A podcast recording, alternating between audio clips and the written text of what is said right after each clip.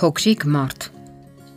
Այսպես են անվանում երեխաներին, սակայն նրանք այդ փոքրիկները մեծ հույզեր ունեն։ Իսկ մեծահասակները հաճախ լուրջ չեն ընդունում նրանց հույզերը։ Նրանք իհարկե չեն ծնվում հույզերի pašարով, այլ ձեռք են բերում կյանքի ընթացքում։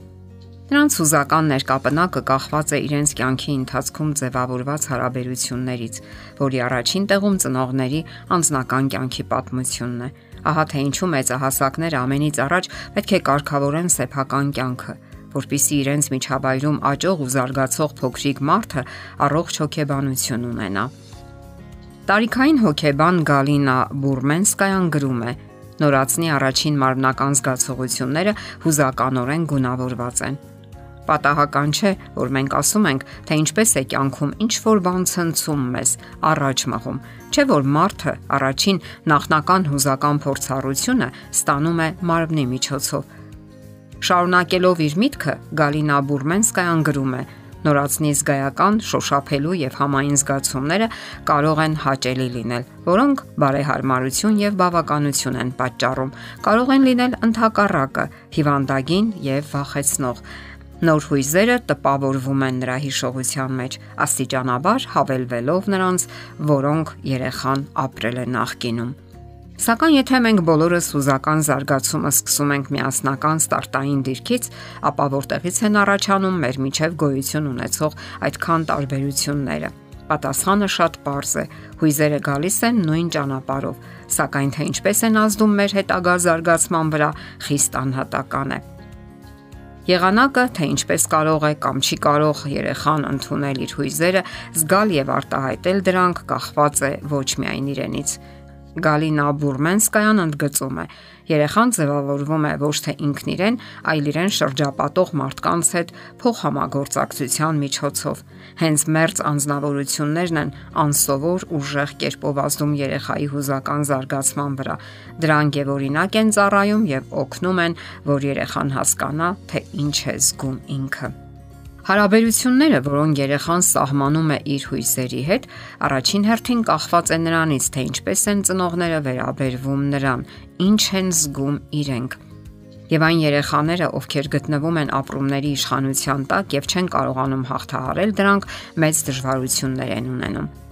Գալինա Բուրմենսկայան նախազգուշացնում է. Հույզերի նման բուրըն ապրումները թեկույզ եւ դեպի երեխան չեն ուղված, սեփական բարկությունն ու ագրեսիվությունը համապատասխան ձևով դրսևորել չկարողանալը, մշտական ճիչերն ու գրգռվածությունը մեծապես վնասում են երեխաներին։ Հենց նման անառողջ ընտանիքներից դուրս եկած երեխաների մասին կարելի է լսել Նա արձագանքում է միայն բղավոցներին։ Գտնվելով մշտական հուզական հրաձգության տակ, նրանք շատ արագ դադարում են արձագանքել եւ սովորում են չլսել։ Այսպիսով առաջանում է մի վիճակ, երբ երեխայի ուղեղին ուշադրությանը հասնելու համար ծնողները սկսում են ավելի բարձր բղավել, իսկ ահա այլ ընտանիքներում էլ հույզերի վրա արգելք է դրված։ Այստեղ չեն խոսում այն մասին, թե ինչ են զգում։ Չի կարելի խոստովանել, որ վախենում ես։ Չի կարելի բուրըն ուրախանալ կամ բարկանալ, որովհետև անպատշաճ է։ Արկելքը հնարավոր է բառային ձևով չդրսևորվի, սակայն երեխան հիանալի հասկանում եւ յուրացնում է, որ պետք է ստիպի իրեն լռել կամ չդրսևորել իր հոգու ցանկացած դրսևորում։ Նա տառացիորեն անջատում է իր ձայնը։ Հոգեբանը պարզաբանում է այս իրավիճակը։ Երեխան չի կարող սپانել իր հույզերը, սակայն վախենալով կորցնել ծնողների բարեհաճությունը, կարող է դուրս մղել դրանք։ Սակայն նման հոգեբանական պաշտպանությունը անարդյունավետ է, որովհետև դուրս մղված հիմնախնդիրը չի անհետանում եւ ապրումները միայն կուտակվում են առանձնահատուկ դեպք է, երբ ծնողները հուզական դիմակ են հակնում։ Նրանք ասում են. «Ես չեմ հասկանում, թե ինչու եմ կյանքում ամեն ինչ այսքան ողբերգական ընդունում»։ Հարցն այն է, որ արդեն հասունացած երեխան, որ դարձել է մեծահասակ, այսպես է դատում. Չէ՞ որ իմ հայրն այնքան ուրախ եւ բուրըն անznավորություն էր։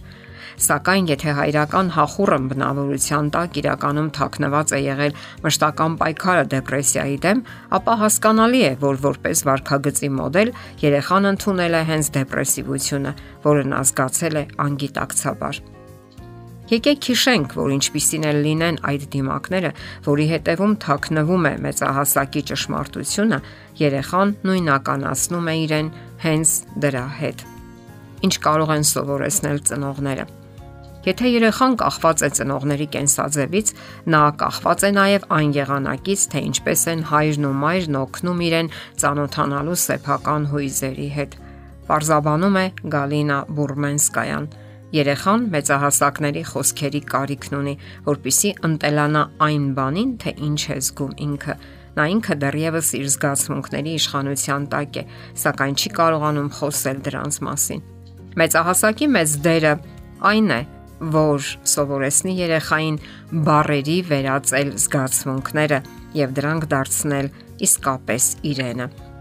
Ծնողների նման օգնությունը կարևոր է հատկապես այն ժամանակ, երբ մուտք է գործում հասարակական կյանք։ Դե ինչ, այսքանով չի ավարտվում ծնողի կարևոր դերը երեխայի հուզական աշխարհի ձևավորման ու դրսևորման գործում։